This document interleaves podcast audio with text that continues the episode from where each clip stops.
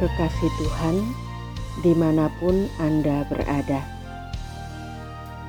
Kita jumpa lagi dalam Kencan dengan Tuhan. Edisi hari Minggu, tanggal 12 Juli 2020. Dalam Kencan kita kali ini, kita akan merenungkan bacaan dari Injil Lukas bab 12 ayat 6 sampai dengan 7. Bukankah burung pipit dijual lima ekor dua duit? Sungguh pun demikian, tidak seekor pun daripadanya yang dilupakan Allah. Bahkan rambut kepalamu pun terhitung semuanya. Karena itu, jangan takut, karena kamu lebih berharga daripada banyak burung pipit. Di suatu klub malam di New Jersey, ada seorang wanita yang untuk pertama kalinya menyanyi di depan umum.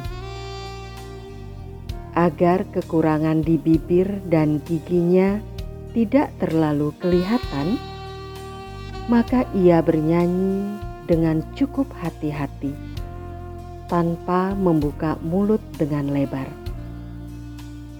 Akibatnya, justru ia ditertawakan.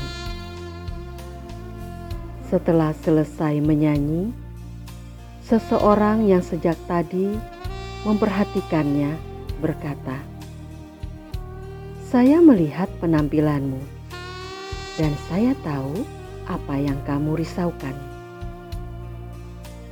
Sebenarnya, kau tidak perlu malu dengan kekurangan fisikmu." itu bukan suatu kejahatan. Suaramu akan kelihatan lebih merdu jika kau berani membuka mulutmu lebar-lebar dan menyanyi dengan wajar. Kemudian gadis itu melakukan apa yang dikatakan orang tersebut. Akhirnya, ia berhasil menjadi juara baik sebagai bintang film maupun bintang radio. Gadis itu bernama Chess Daly, anak seorang dirijen orkes. Ketika ia menjadi dirinya sendiri, banyak aktor dan aktris ingin menjadi Chess Daly dan meniru dirinya. William James mengatakan, bahwa orang yang selalu ingin menjadi seperti orang lain dan tidak pernah menemukan diri pribadinya sebenarnya hanya mengembangkan 10% dari kemampuan yang ia miliki. Ada banyak kemampuan di dalam diri seseorang yang bisa digunakan secara maksimal kalau orang tersebut mau menjadi dirinya sendiri.